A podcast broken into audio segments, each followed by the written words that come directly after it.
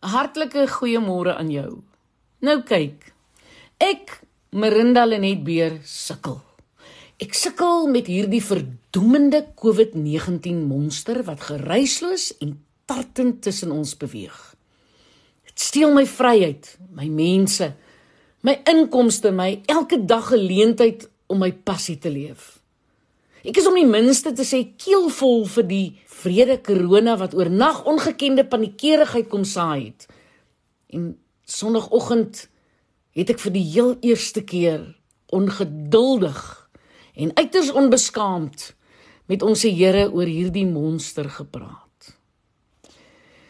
En in my stil wees het die Here sonder verwyd my weer eens kom herinner aan die waarde van gesonde gedagtes.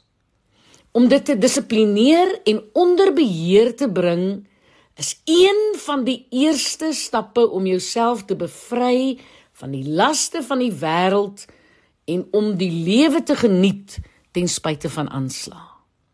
Hier sien ons denke is ontwerp om die liggaam waarvan die brein 'n deel is te beheer en nie andersom nie. Ons kan nie die gebeure en omstandighede van hierdie lewe beheer nie. Ons kan slegs ons reaksie daarop beheer. En dit is nie maklik nie. Dit is harde werk. Maar dit kan gedoen word deur ons gedagtes en keuses doelbewus te bestuur.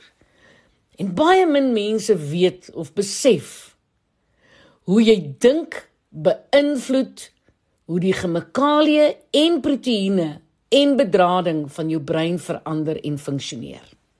Het jy geweet dat 75 tot 98% van geestes, fisieke en gedragsiektes kom voor uit 'n mens se gedagte lewe.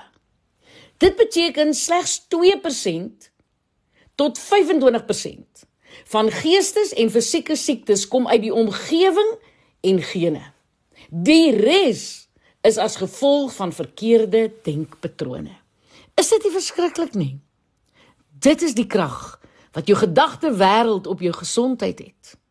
Nou wanneer jy jou eie gedagtes objektief waarneem met die oog om ongewenste gedagtes vas te vang, fokus jy jou aandag daarop om negatiewe impak stop te sit en gesonde nuwe bane in jou brein te bou.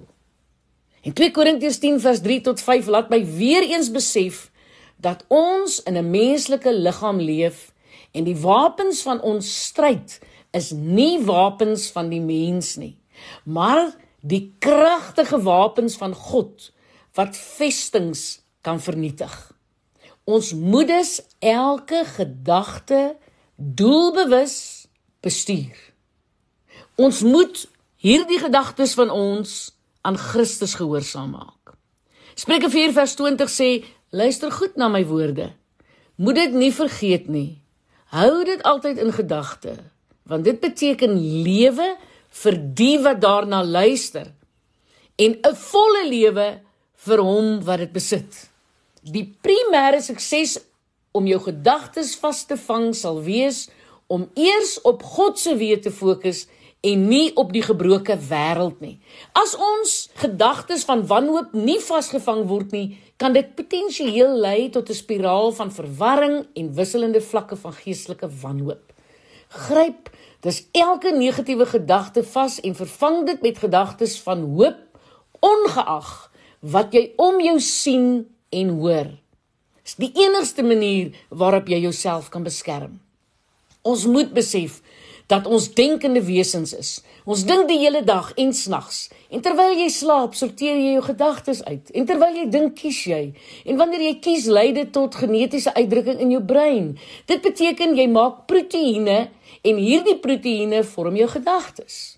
Gedagtes is werklike fisiese dinge in die sweer van jou denke. En ons gedagtes het verstommende krag en dit kan ons brein verander positief of negatief. Ons breine verander elke oomblik wanneer ons dink. Daarom moet ons reg dink. Geen wonder dat Salomo sê dat van alles wat ons kan beskerm, ons gedagtes die belangrikste is nie. As jy jou lewe wil verander, moet jy jou gedagtes verander.